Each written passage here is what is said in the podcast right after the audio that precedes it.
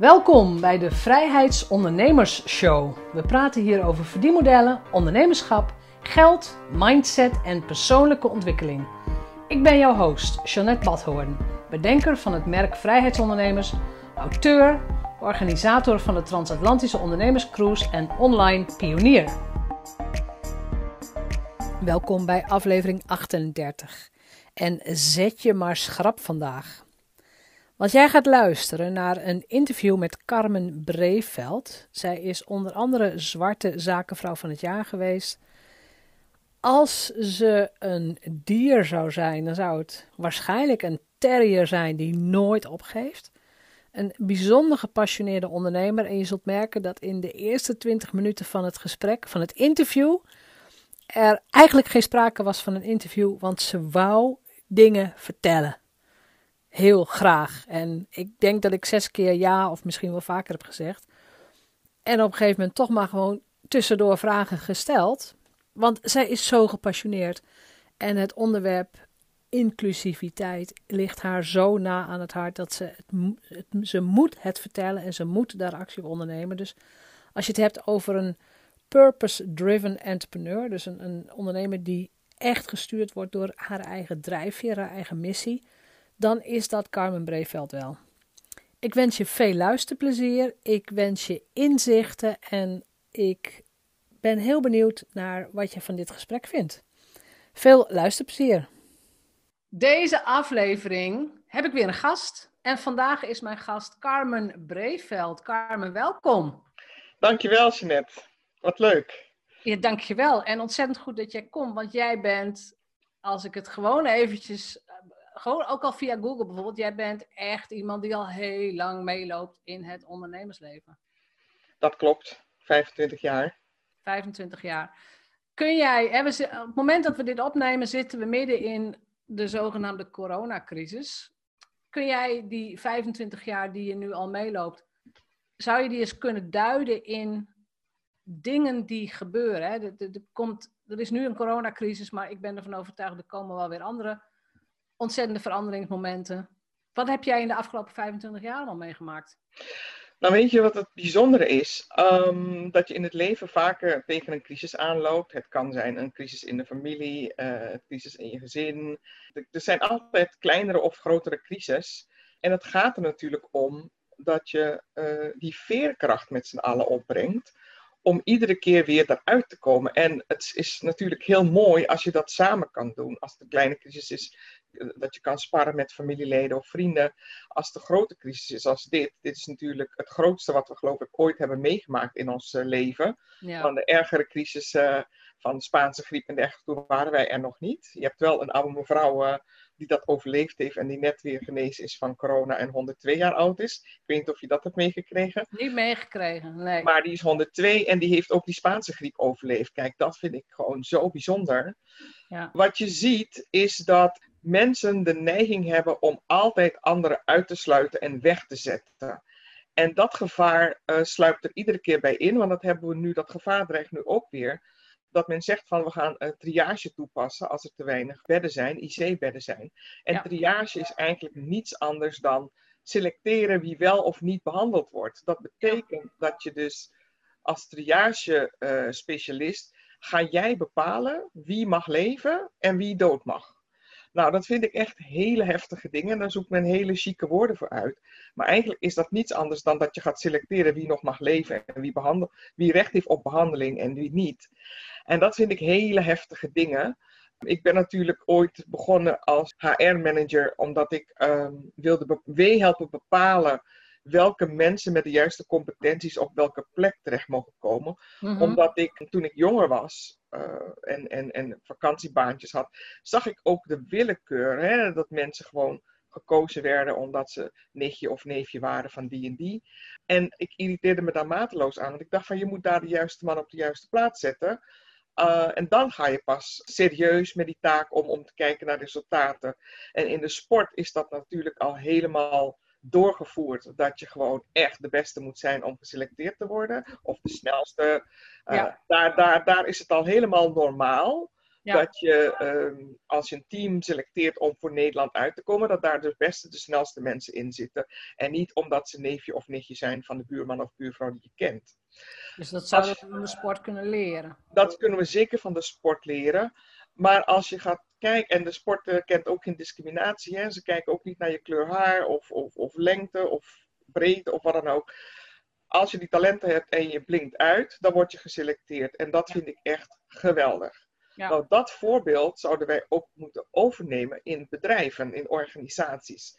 Want als ik zeg bedrijven, dan lijkt het of de overheid niet meedoet, maar de overheid zit juist in een hoofdrol nu. En mijn angst is, ehm, mijn twijfels en angst is, is die overheid er klaar voor om de leiding te nemen over zo'n pandemie? Want ten eerste hebben ze daar nooit mee geoefend. Ten tweede waren ze zo zelfgenoegzaam dat ze, want ik, ik, ik praat veel met die lui en ik kom daar uh, vaker, uh, geef optredingen en ik merk aan die groepen, zeker die stafdiensten, die hebben echt zoiets van, joh, waarom val je ons lastig en waarom verdoe je ons tijd? Want we weten wat we doen en we zijn al goed waar we in, uh, waar, waar, wat we doen, daar zijn we al goed in, zijn we de beste in. En je luistert naar die mensen en toen dacht je van, oh, oh, oh, dit gaat een keer zo vreselijk fout. Ja. En in dat verband wil ik toch even een tipje van de sluier uh, lichten en even wat vertellen wat ik het afgelopen jaar heb meegemaakt. En dat vind ik echt wel typerend voor heel veel dingen die nu terugkomen. Allereerst, ik ben uh, overgestapt twee jaar geleden naar Triple Talent. Ik ben uit die HR-recruitment en interim management wereld gestapt, omdat ik vond dat er in de maatschappij nogal veel misgaat, uh, ging en gaat. Je ziet de werkloosheid van uh, jonge afgestudeerde allochtonen gigantisch hoog is. 7,1% in de economische groeiperiode en de autochtonen 2,5%. Nou heb ik het liefste natuurlijk dat het bij beide groepen 0% is, maar dat kan niet. Want je hebt natuurlijk altijd mensen die niet aan het arbeidsproces kunnen deelnemen vanwege ziekte of uh, tijdelijke mhm. uitval. Maar uh, in een uh, groeifase waarbij iedereen zit te schreeuwen om personeel, dat er dan toch 7,1% werkloosheid is onder jongeren met een migrantenachtergrond, ja, dat, dat raakte mij dusdanig dat ik eigenlijk mijn hele businessmodel heb omgegooid en gezegd: ik ga daar wat aan doen. Omdat altijd als men over diversiteit praat of inclusiviteit, dan heeft men de arrogantie om te denken: oh, we moeten ook wat doen voor de zwakkeren in de samenleving. Maar het gaat helemaal niet om de zwakkeren. Ik heb het dan over HBO en universitair geschoolde jongelui die hier geboren getogen zijn. En uh, niet worden toegelaten tot die arbeidsmarkt. En dan denken we dat het allemaal tot verleden tijd behoorde, maar dat is dus absoluut niet zo. Want recentelijk onderzoek bij SZW heeft weer uitgewezen. Dus ze hebben 4000 uh, eh, organisaties benaderd of ze uh, mensen wilden gaan zoeken voor ze. Maar alsjeblieft geen uh, migranten, mensen met een migrantenachtergrond. En bijna alle 4000 organisaties hebben gezegd dat komt helemaal voor elkaar. die gaan we uitsluiten van deze selectie en u krijgt gewoon een blanke persoon met blauwe ogen. Hmm. Nou, dat is, en men wist natuurlijk niet dat het, een, dat het een test was vanuit het ministerie. Dus ze zijn er allemaal met open ogen ingestonken. Ja. En niemand heeft gezegd van ja, sorry, maar dan kunnen we deze opdracht niet aannemen, want uh, wij zijn een inclusieve organisatie en ja. wij selecteren op competenties. Dus, dus we... in dat opzicht doet het ministerie, gaat expres prikkelen. Ja. Ah, oké. Ze gaan expres, zij doen onderzoek natuurlijk. Ja ja, ja, ja. En um, ik weet precies hoe dat eraan toe gaat, want mijn dochter is verantwoordelijk voor die onderzoeken. Die is ja. uh, zelf foren, uh, forensisch criminoloog en die zit bij SC2 op de inspectie. En daar inspecteren zij bedrijven dus, hè, maar ook over, bijvoorbeeld is recentelijk een rapport verschenen over de werkdruk in de accountancy. Dat mensen echt moeten werken tot ze erbij neervallen. Dat is niet een inclusieve manier hoe je met elkaar omgaat. Nee. En dan krijg ik van heel veel mensen de vraag: ja, maar wat is dan inclusiviteit? We hebben het toch over diversiteit. Ja, maar die fase van diversiteit zijn we al lang uh, gepasseerd. Want diversiteit is eigenlijk het onderkennen dat mensen verschillend zijn. Nou, dat zijn ze al heel lang. Want niet twee Nederlanders zijn gelijk. Kijk maar naar Groninger en een Maastrichternaar of een Limburger. Dus het is al heel lang zo, sinds mensenheugenis, dat niet twee mensen gelijk zijn. Dus het onderkennen dat mensen verschillend zijn, die fase hebben we eigenlijk altijd al gehad.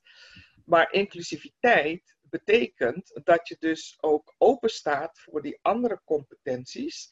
voor datgene wat die ander te brengen heeft uh, in zo'n organisatie. En Ja. waarom, waarom zou je dat uitsluiten en waarom zou je alleen maar mensen die op jou lijken, met dezelfde studieachtergrond, van dezelfde hockeyvereniging, waarom zou je alleen je eigen soort, eh, soortgenoten binnenhalen? En dan gaan we dus nu eventjes over naar de huidige situatie in deze coronacrisis. Ik ben er, het, is, het is verschrikkelijk. Ik vind het ook een beetje eng. Ik ben natuurlijk wel voorzichtig en ik doe alles eh, wat geadviseerd wordt. Afstand houden, handen wassen, zoveel mogelijk thuis blijven, et cetera, et cetera. Maar als je nu kijkt naar de situatie die een wereldwijde crisis is eigenlijk. Het heeft ook voordelen. Waarom? Uh, je ziet dat iedereen die super zelfgenoegzaam was.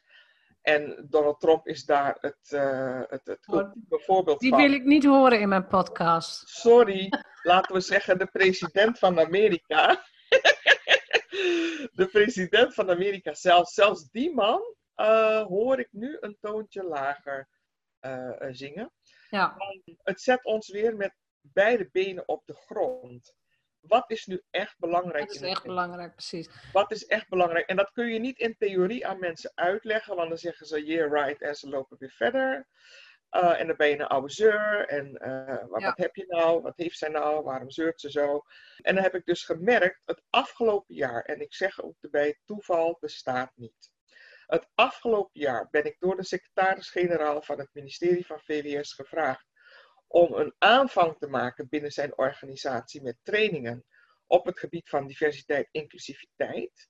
En hij heeft mij expliciet de vraag gesteld: wil je ingaan of wil je een onderzoek voor mij doen naar de business case diversiteit? En de business case betekent niet, niets anders dan ga voor mij naar voorbeelden zoeken en bundel die voorbeelden bij elkaar, praat met deskundigen daarover, zodat ons management binnen het ministerie in de gaten krijgt waarom het belangrijk is. Ja. Wat levert het ons op als we een inclusieve organisatie zijn of worden?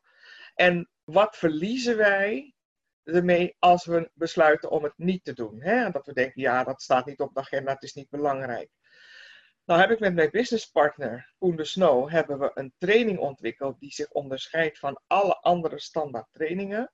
Ik vind dat men toch een beetje op het uh, uh, peuterniveau bezig is met uh, trainingen van ja, wat, wat, wat, wat is het verschil tussen de islam en het christendom en wat is een iftar en waarom gaan moslims uh, een vaste periode in, de Ramadan. Dat vind ik zo basic, want daar gaat het wat mij betreft helemaal niet om. Wat mij betreft mag iedereen lekker geloven waar hij in wil geloven. Als hij op kantoor komt, moet hij gewoon zijn werk doen en ervoor zorgen dat de organisatie draaiende blijft. Ja. En wat je thuis allemaal doet, uh, of dat je met een hoofddoek rondloopt, of dat je lekker naar de moskee gaat, of naar de kerk of synagoge, dat moet iedereen zelf weten. Dus Ja. ik vind dat we al veel te lang bezig zijn met al dat soort randverschijnselen, die toch meer in de privésfeer zitten. En ik wil toch kijken naar de zakelijke sfeer. Dus Ja. wat hebben wij gedaan? Ik heb een aantal specialisten uit het ziekenhuis, uit de medische zorg, zeg maar. Een, een gepensioneerde eh, gynaecoloog, een gepensioneerde cardioloog. Ik heb een, een eh, jonger iemand eh, gevraagd die les geeft aan specialistische gezondheids, eh, specialistische verpleegkunde. En ik heb een, eh, een ondernemer die slachtoffer is geworden van verkeerde vaccinaties. Die heb ik allemaal geïnterviewd en daar heb ik vier filmpjes van laten maken. Omdat het natuurlijk VWS is volksgezondheid, welzijn en sport. Dus ik heb ze met die filmpjes willen aantonen van kijk, hier zijn jullie nu verantwoordelijk voor, voor alles wat Mhm. hier gebeurt. Nou, ze hebben adviezen gekregen van de gepensioneerde specialisten. Dus wij dachten, we hebben gewoon een topprogramma neergezet. En uh, uh, we hebben twee pilots gedraaid. En toeval bestaat niet. De eerste groep MT-leden, dat waren de mensen van het RIVM. Oh, En- ja, ja, ja, ja. Ja, ja, onze vrienden van het RIVM. Want wij wisten niet wie er zou komen, want zij delen de groepen zelf in. Dus wij hadden het MT van het RIVM uh, in de eerste pilot. En toen ik dus het filmpje liet zien van een ondernemer die helemaal slachtoffer is geworden van een verkeerde vaccinatie, omdat men geen rekening had gehouden dat hij oorspronkelijk een vluchteling is uit Somalië en dat hij al een hele cocktail heeft gehad in zijn jeugd. En dat je die cocktail aan vaccinaties maar één keer in de 20 jaar kan, mag krijgen. Anders vallen je nierfuncties uit. Ja, toen, werd men, e- toen kreeg men even alle kleuren van de regenboog. En ik dacht, waarom is iedereen nu Spaans benauwd in die groep? Toen vertelden ze dus dat ze van het RIVM waren en dat ze eindverantwoordelijk zijn voor het vaccinatieprogramma in Nederland. En dan irriteer ik me mateloos aan het feit, die vaccinatiediscussie, hè, daar, heb je, dat hebben we een paar maanden geleden gehad. Dan heb je iedere dag dezelfde mensen met dezelfde mening aan tafel zitten. Bij een niernek, bij een, een, een pauw en noem maar op. Allemaal dezelfde mensen, dezelfde moeders die roepen van ja, maar uh, kinderen die niet gevaccineerd zijn, die moeten we niet toelaten op de kinderopvang en uh, bladibladibla. Ze maken mijn kind ziek en ze zijn gevaarlijk voor de samenleving. Daar zitten allemaal dezelfde mensen die iedere avond hetzelfde roepen. Dan denk ik van, ah, als jouw kind gevaccineerd is, loopt jouw kind juist geen risico, want jouw kind heeft het vaccin. Dus waar maak jij je in godsnaam druk om als jouw kind wel gevaccineerd is? Want dan is het een gevaar voor de kinderen die niet gevaccineerd zijn. Dat geluid hoor je niet, want die mensen met een ander geluid worden niet gevraagd. Ja. Ik heb zelf een kind stop, wat Stop. Ja, ja. Heel college nu. We hebben een heel college. ik wil het hebben ook over de keuzes die jij in je leven hebt gemaakt. Want volgens mij, ik kan jou hier midden in de nacht wakker voor maken. Ja, zeker. Ja.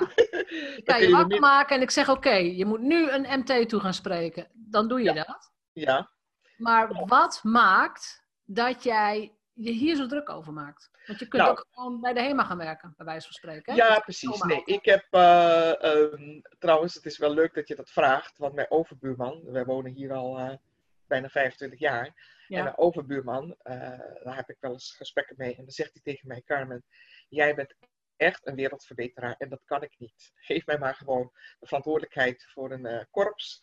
Of uh, hij werkt nu bij de Belastingdienst in een managementfunctie. Hij zegt, wat jij, wat jij doet om je zo midden in die samenleving gewoon te bemoeien met beleid en dingen die fout gaan en daar ook een mening over hebben. Niet, dat is niet het enige, maar je gaat er ook echt meteen iets mee doen. Dat is heel uniek aan jouw profiel. Ik zeg, joh Arno, jij doet ook dingen die ik niet kan. Jij loopt marathons. Ja, dat kan ik niet. Ja. Dat, uh, Nee, maar het, het is dus die drive die in jou zit. Ja. Maakt niet uit wat er gebeurt. Ja. Maar jij maakt je druk om. Ik maak me daar druk om. En dan niet in de zin van uh, hoge bloeddruk, uh, druk, maar ik, ik kijk van wat. Ik heb de neiging om te kijken van wat gebeurt hier nou? Ja, Wat, gebeurt hier nou? En wat gaat er fout? En wat kan er gigantisch fout gaan? Als niemand daar wat aan doet. Ja. En ik heb wel eens uh, in mijn, in mijn bedrijfsfilosofie gezegd: ik wil niet alleen gewoon de wereld verbeteren, ik wil gewoon impact maken. En daarbij hoef ik niet zelf de hoogste functie te hebben. Ik hoef niet premier van Nederland te worden. Of ja, de hoogste, wat voor land dan ook. Ik wil gewoon impact maken en dat wil ik doen door beslissers datgene wat ik zie in te fluisteren. Van joh, heb je daar rekening mee gehouden? Of let je daarop? Want vaak als je in die functie zit, heb je blinde vlekken en zie je niet, hoor je niet een mening van iemand uit een andere discipline. Ja, we hebben En vlekken. Ja, ja, je gaat, zit, zit met allemaal mensen in dezelfde branche, die hetzelfde denken, die hetzelfde roepen. En als iemand van buiten afkomt en zegt van, hé, hey, wat gebeurt hier eigenlijk? Let op, weet je wel. Mensen vinden mij lastig. Ze vinden mij lastig omdat ik, ze vinden dat ik ze bang maak. Nou, om even op het ministerie terug te komen. De tweede groep was een groep met P&O-managers, dus de stafdiensten, de P&O-diensten. En ik moet je zeggen, halverwege de training stonden zij op. In de pauze kwamen ze niet meer terug naar de pauze. Toen dacht ik, wat gebeurt hier nu? Nou, precies wat ik net zei. Mensen zeiden, je maakt ons bang. Wil je deze video's nooit meer laten zien? Want dat brengt onrust en het maakt ons bang. Nou, we hebben nog een evaluatiegesprek gehad met de directeur bedrijfsvoering. En die zat op één lijn met zijn mensen van ja, we willen geen bangmakerij. Jullie maken ons bang uh, als je vertelt waar we allemaal op moeten letten. En als je ons op onze verantwoordelijkheid wijst. Dat wij toevallig, want dat heb ik ze heel vaak geroepen, van jongens, leuk en aardig als je dit geen leuke training vindt. Maar besef wel dat jullie verantwoordelijk zijn voor de volksgezondheid van alle Nederlanders. Ja. En ik vind het dus, ik moet je zeggen, het is eng nu die periode, maar ik zit stiekem ook een beetje te genieten omdat ze zo in paniek zijn en het heeft ze zo overvallen en ze zijn zo naïef bij elkaar. Het zijn net een stelletje kippen zonder koppen daar op het ministerie. Die allemaal dossiers naar elkaar toeschuiven. Er wordt nooit een besluit genomen omdat niemand verantwoordelijkheid neemt voor wat hij doet. Ja, verantwoordelijkheid is wel een belangrijk woord. Want als ik, als ik het heb over uh, jezelf ontwikkelen als ondernemer. Ja. Um, je moet altijd 100% verantwoordelijkheid nemen voor je eigen ja zeggen, nee zeggen, je daden, dingen die je wel doet, niet Daar doen. oefenen we mee. Daar oefenen we constant mee, want als ondernemer moet je continu besluiten nemen. Klopt. En wat mij stoort is dat sowieso die kloof tussen overheid en bedrijfsleven. De ambtenaren hebben altijd een negatief beeld van ondernemerschap. Ze vinden ons uh, uh, graaiers. Uh, we willen onszelf verrijken. Ze hebben geen idee hoe hard wij moeten werken om iedere maand weer alle salarissen te kunnen betalen en alle kosten te kunnen betalen. Ze hebben geen idee van. Nee, klopt. En ik denk dat er ook door deze crisis men realiseert waar het eigenlijk om gaat in het leven. En alle groepen waar de afgelopen jaren zoveel in is wegbezuinigd, komen we nu achter dat dat eigenlijk belangrijke, hele belangrijke doelgroepen zijn. Ja, ja, ja klopt. Er is heel veel wegbezuinigd waar we nu spijt van hebben. Nou, als ik hoor dat wij 500 IC-bedden hebben en dat Duitsland 80.000 IC-bedden heeft, dan vraag ik me af, uh, hoe kunnen er zulke grote verschillen zijn binnen Europa, dat het ene land wel helemaal voorbereid is op wat er ook kan gebeuren. En dat wij als Nederlanders totaal niet voorbereid en equipped zijn op wat er gaande is. En dat het nu echt letterlijk en figuurlijk paniekvoetballen is. Ja. En de klassieke fout die men altijd maakt in, in, in, de, in de overheden, is dat men altijd denkt: het is ver weg, ons gaat het nooit overkomen. Dat Ja. zagen we bij SARS, dat zagen we bij ebola. eh, dat zie je nu ook toen eh, het, uit, het, het, eh, corona uit, uitbrak in China. Het is ver weg. Dat zag je in 2008 toen de economische of financiële crisis uitbrak. Het is ver weg. Het is in Amerika. Dat gaat ons niet raken. Ik zie ze nog zo op het podium staan. Hè? Nout Welling en uh, Balkenende en uh, Wout Bos. Ik zie ze nog zo met z'n drie op het podium staan en zeggen dat gaat in Nederland nooit gebeuren. Terwijl we allemaal weten, horen te weten, dat alles met elkaar verweven is. Uh, geldstromen, uh, alles gaat met elkaar. We exporteren, we zijn het grootste exportland. Ja. 70% van ons inkomsten is export. Dat betekent dat je zo in verbinding staat met die hele wereld. Dus je kunt nooit zeggen dat het daar blijft en dat het niet hier komt. En even kijken hoor, ik had wat dingen opgeschreven waar ik, uh, ja, mensen die, dus wat, wat er nu, het, het positieve van die corona en de coronamaatregelen is dat we tijd hebben voor reflectie. We gaan allemaal kijken van, joh, wat hadden we beter moeten doen? Er is een groot gebrek aan samenwerking en nu moeten we gedwongen leren met elkaar te gaan samenwerken. Die gebrekkige verantwoordelijkheid, het verantwoordelijkheidsgevoel, daar betalen we nu de prijs voor. Dus we moeten ook leren verantwoordelijkheid te nemen. We waren zo individualistisch bezig in Nederland en nu worden we gedwongen ook weer uh, richting een collectivisme te gaan dat je dingen alleen maar kunt bereiken. En nu gaat het om leven of dood. Als je collectieve maatregelen neemt. Maar vind je dat niet mooi van deze tijd? Ik bedoel, hoe crisis het ook is. Ja. Mensen hebben op slag binnen 1, 2 weken weer dat hele solidaire gevoel terug. Kijk, dat betekent alleen maar dat het wel in ons zit. Want Ja. anders kun je het niet, uh, kun je het niet ontwaken. Hè? Ja, Maar in de loop van de jaren, als het goed gaat, dan worden mensen een beetje asociaal. Gaat goed, het moet nog beter, nog beter, nog beter. En het, het, het, het ging eigenlijk een beetje richting waanzin. Hè? Dat we alles uh, uh, 100 reizen per jaar maken. Niet omkijken naar, we hebben 300.000 kinderen die niet te eten hebben. Ach nee, dat, dat bestaat niet. We doen net of het allemaal niet is. Kinderopvang, ach wat een gezeur. Die vrouwen moeten gewoon thuis blijven en op de kinderen passen. En nu zegt in één keer de premier, die kinderen moeten op school blijven, want we hebben die ouders keihard nodig. Toen dacht ik, joh, weet je dat nu pas? weet je dat nu Besef, pas? Ja. nu, besef je nu pas dat, uh, ja, het is, het, ik, ik moest gewoon lachen. Want je hoort hem uitspraken doen en ook andere beslissers hoor je uitspraken doen. Waarvan je dacht, ja, die zorg en welzijn, dat is helemaal uitgeknepen zoals je Ja. weet. De ouderen moesten weer terug naar huis. We Ja. moesten weer uh, allemaal voor onszelf gaan zorgen hoe je dat, een mantelzorg. Iedereen moest weer zelf maar zijn eigen bootje stoppen. Uh, onderwijsvernieuwing. Hoezo gaan we digitaliseren? Ach man, het, wat we, die boeken die we nu hebben is goed genoeg. En nu gaat alles in één klap, ja. wordt het gewoon door die trechter gedouwd. Klopt. Door die molen en alles. Dus die veranderingen moeten nu allemaal tegelijk. Ja. Dan denk je, wat doen we onszelf aan? En waarom konden we dat niet eerder gewoon geleidelijk aan? Maar kennelijk heb je dus iets, een, een dergelijke crisis nodig. Ja. Gelukkig geen oorlog. Uh, maar dit is ook een soort oorlog met een uh, onzichtbare vijand. Het is heel onzichtbaar, ja.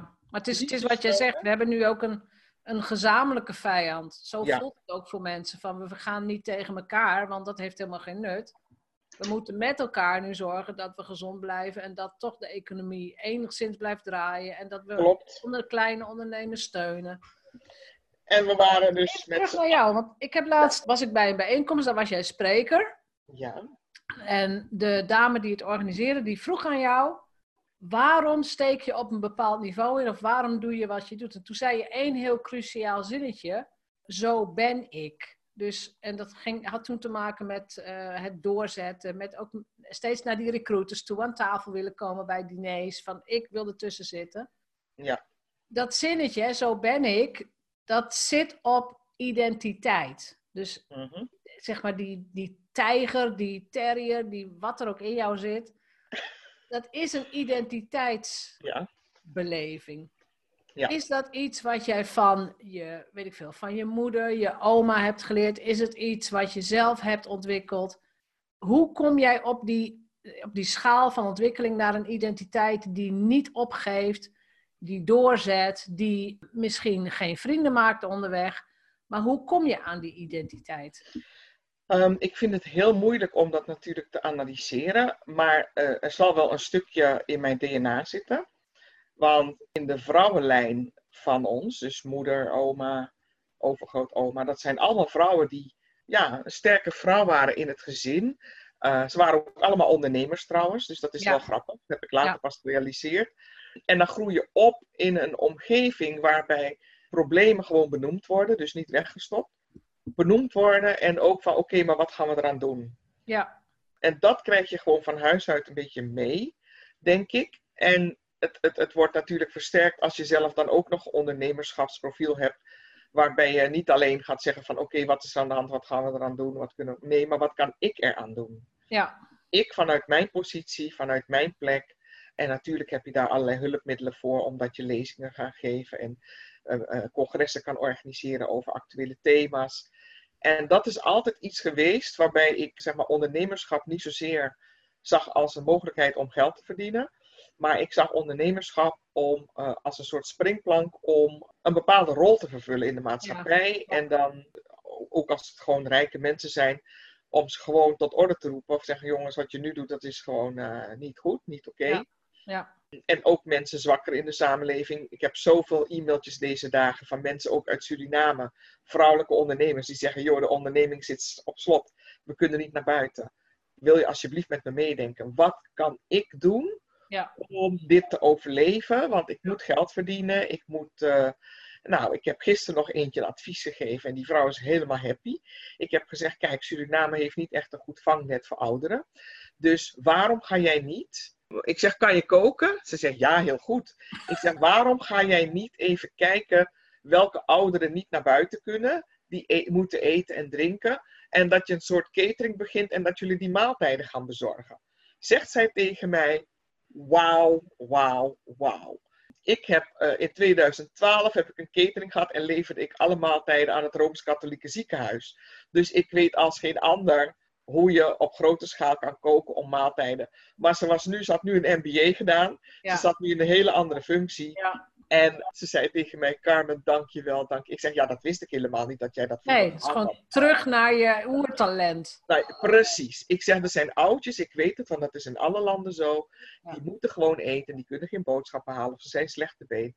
Dus ze gaat dat nu opzetten en ze zegt, ja, maar hoe bereik ik hun? Ik zeg, nou, ze hebben verenigingen, je hebt Facebookgroepen. Een vraag aan de, de jongeren op de Facebookgroepen van, heb jij een oma of opa Mhm. die eh, niet voor zichzelf kan zorgen? Ze was helemaal vergeten dat Facebook bestond. Dus we moeten echt gewoon weer terug naar de basis Ja, terug Eh, naar je oertalent. oertalent en die menselijkheid. Hè, van wie heeft mij nodig? Wie zit op Wie zit nu te wachten op een CEO? Wie zit nu te wachten op een MBA? Niemand. Nee, niemand. Niemand. Dat vond ik zo mooi gezegd.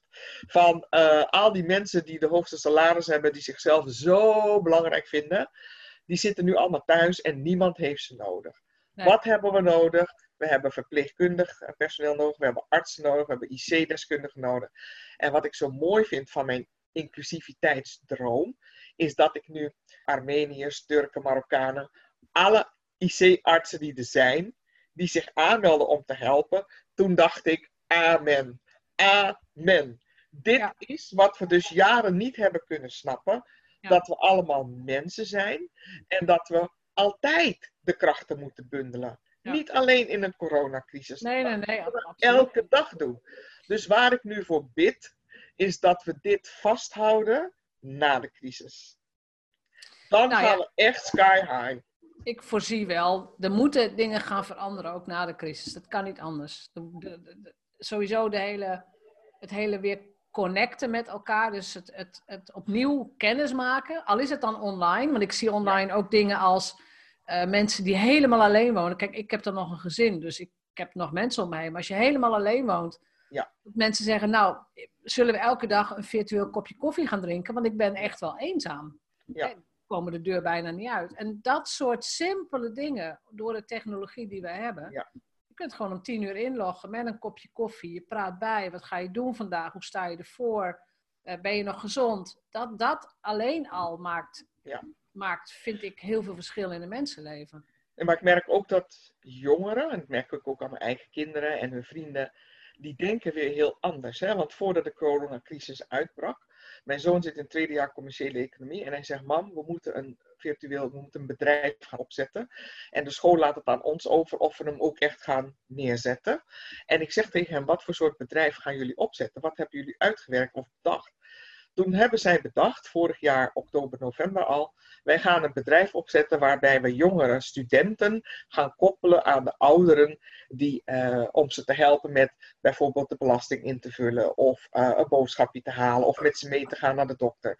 En daar gaan we een platform voor bouwen waarbij uh, die studenten zich aanbieden en per regio, ze zouden beginnen in Gelderland, en dan, als het succesvol is, gaan we dat uitbouwen landelijk. En dan denk ik, die jongeren denken dus al heel anders. Hè? Die zeggen niet van, we gaan een, een, een, een lichte fabriek bouwen of zo. Nee, hoe kunnen wij als jeugd die ouderen helpen? En toen dacht ik van, en daar een businessmodel uithalen. Want dan kunnen de ouderen een abonnement opnemen. En dan kunnen ze zelf bepalen of ze één of twee keer per week uh, een student op de vloer willen hebben. En dat helemaal monitoren. Ik vind het ook logisch dat de nieuwe generatie komt met ideeën die wij niet kunnen bedenken. Want wij zijn, tenminste, ik ben niet opgegroeid met internet, jij ook niet. Wij zijn anders groot geworden met andere verdienmodellen, andere voorbeelden, andere rolmodellen. Klopt. Dus dat, dat is logisch en dat is ook heel nuttig.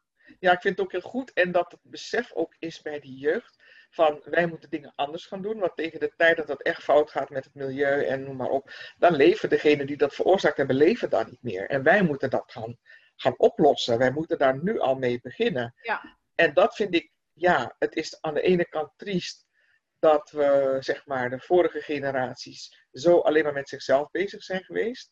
En niet denken aan de toekomst, aan de kinderen, kleinkinderen, wat voor, wat voor wereld laten we ze achter.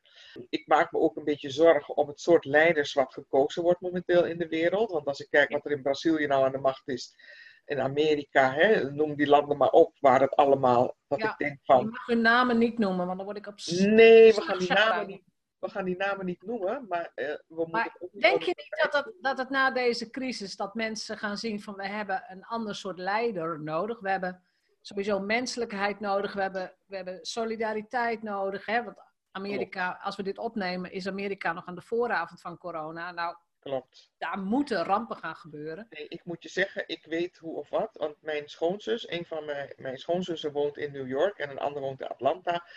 En mijn schoonzus werkt in de zorg. Ja. En heeft dus elke dag die confrontatie met de corona. En haar dochter, die heeft verder geleerd, want die is IC-deskundige eh, eh, en die zit op het, uh, op het IC.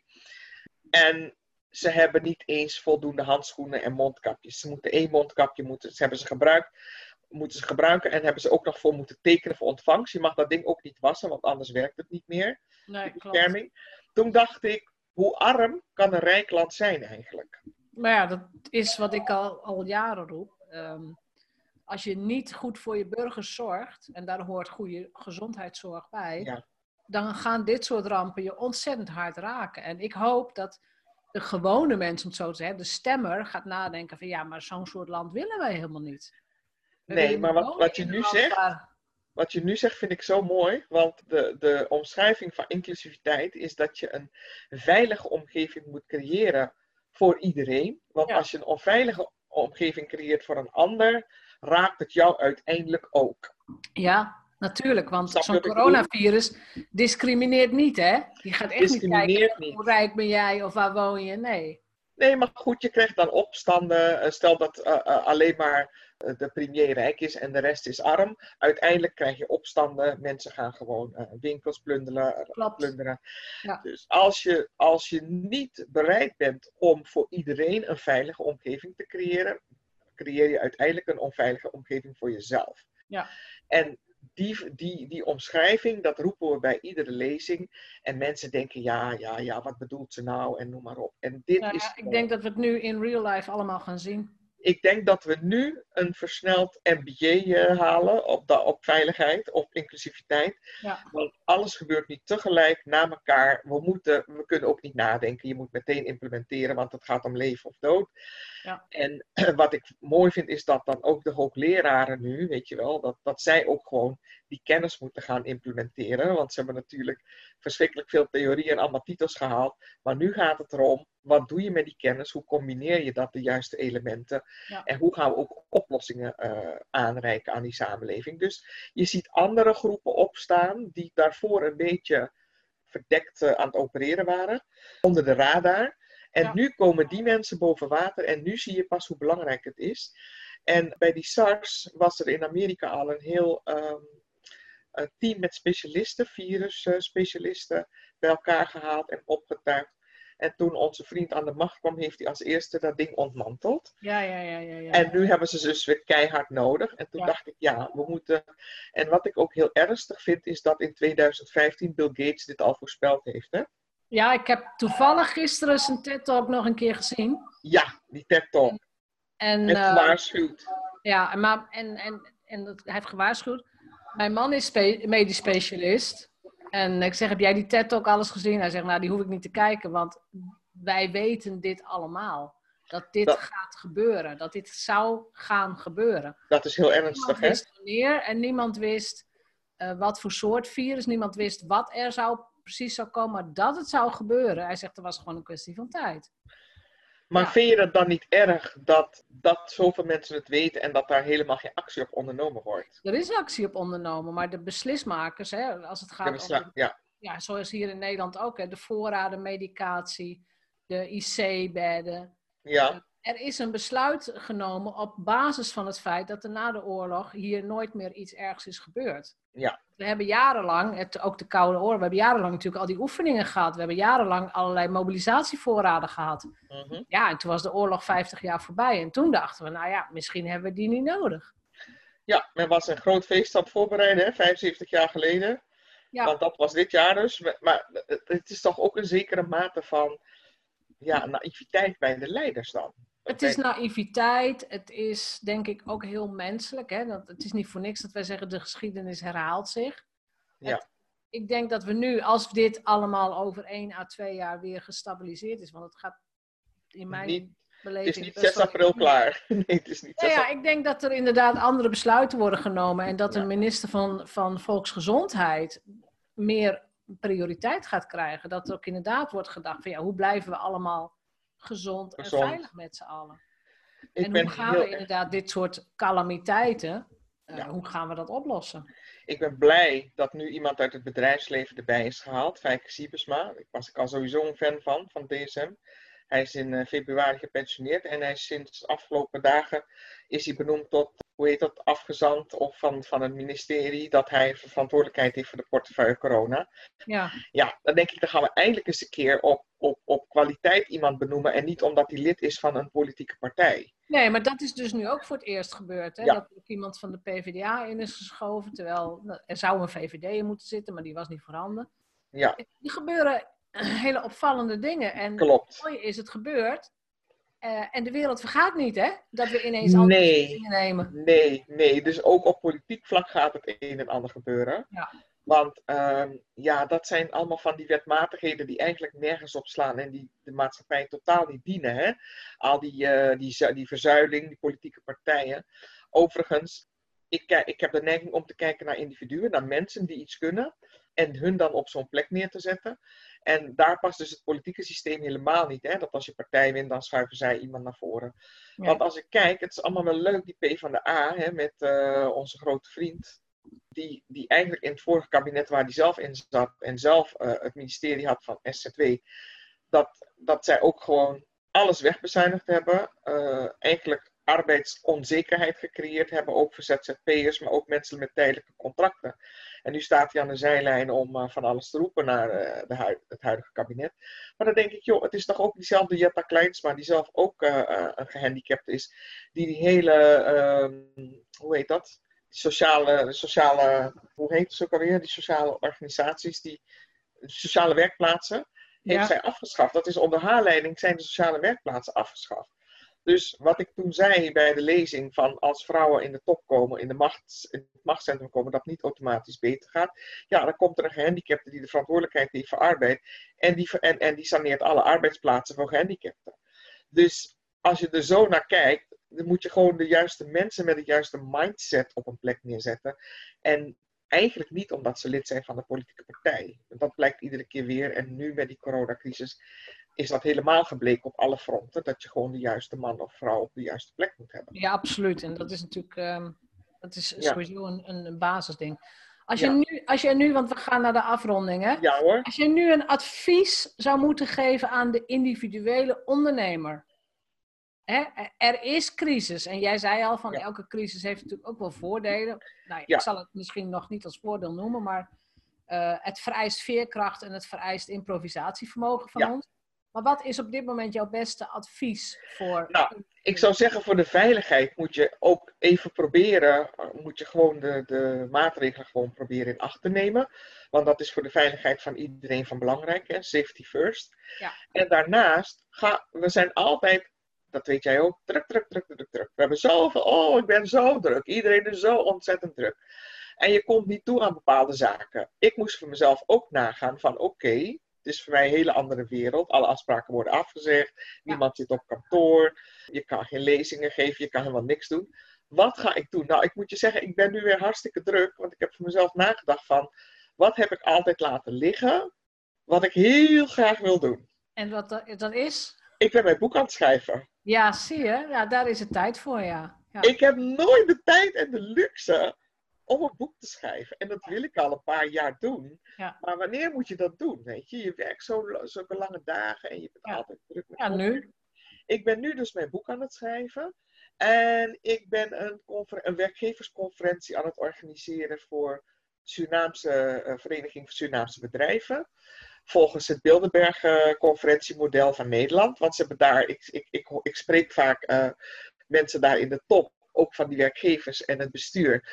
En ik heb gezegd, joh, alle problemen die jullie mij vertellen, het heeft allemaal ook te maken, zijn oorsprong, dat er geen overlegstructuur is en dat jullie niet met alle partners bij elkaar zitten om dingen uit te praten. En toen zeiden ze uitpraten, uitpraten. Ja, die heeft ruzie met die en die met Ja, die. ja. Ik zei, weet je, in Nederland hebben we dit jaar de 58ste Bilderberg-conferentie gehad. En dan komen alle partijen bij elkaar. Ja.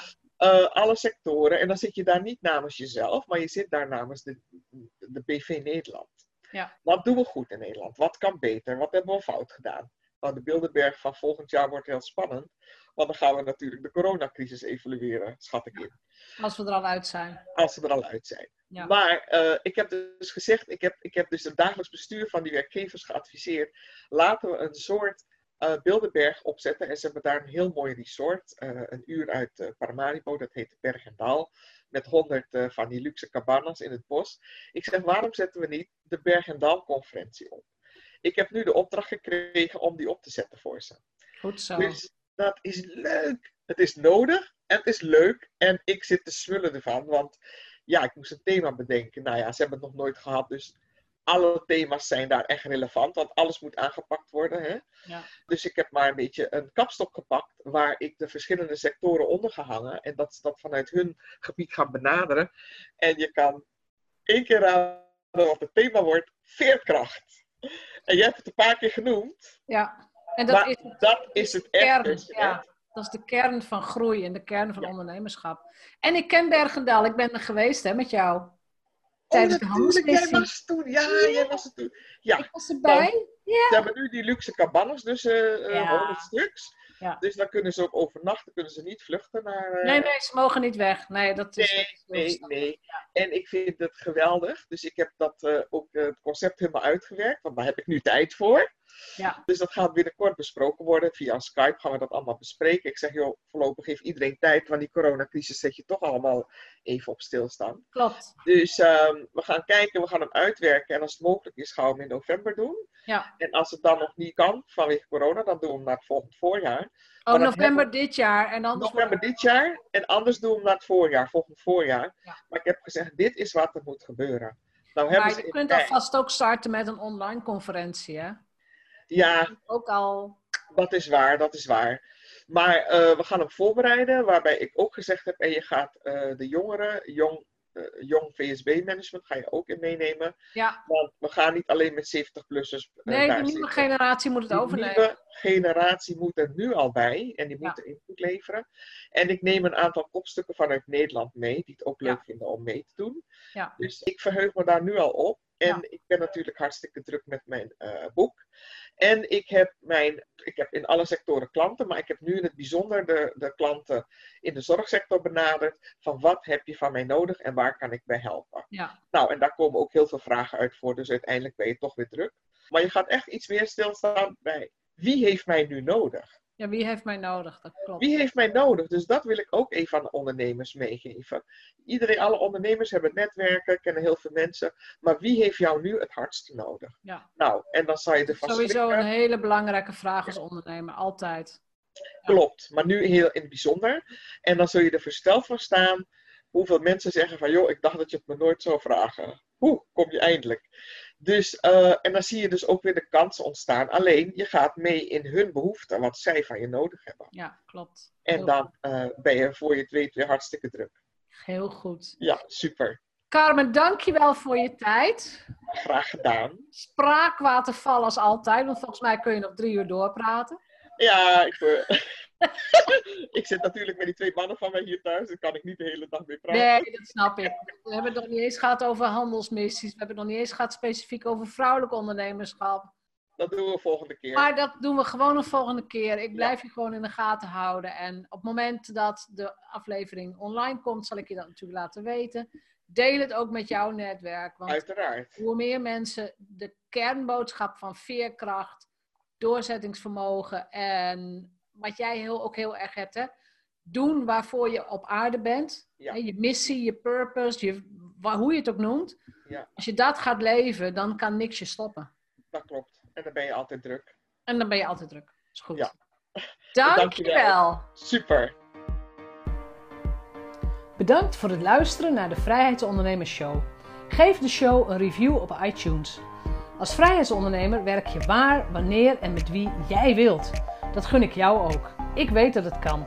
En bij de juiste keuzes is vrijheid ook voor jou mogelijk. Op jouw vrijheid!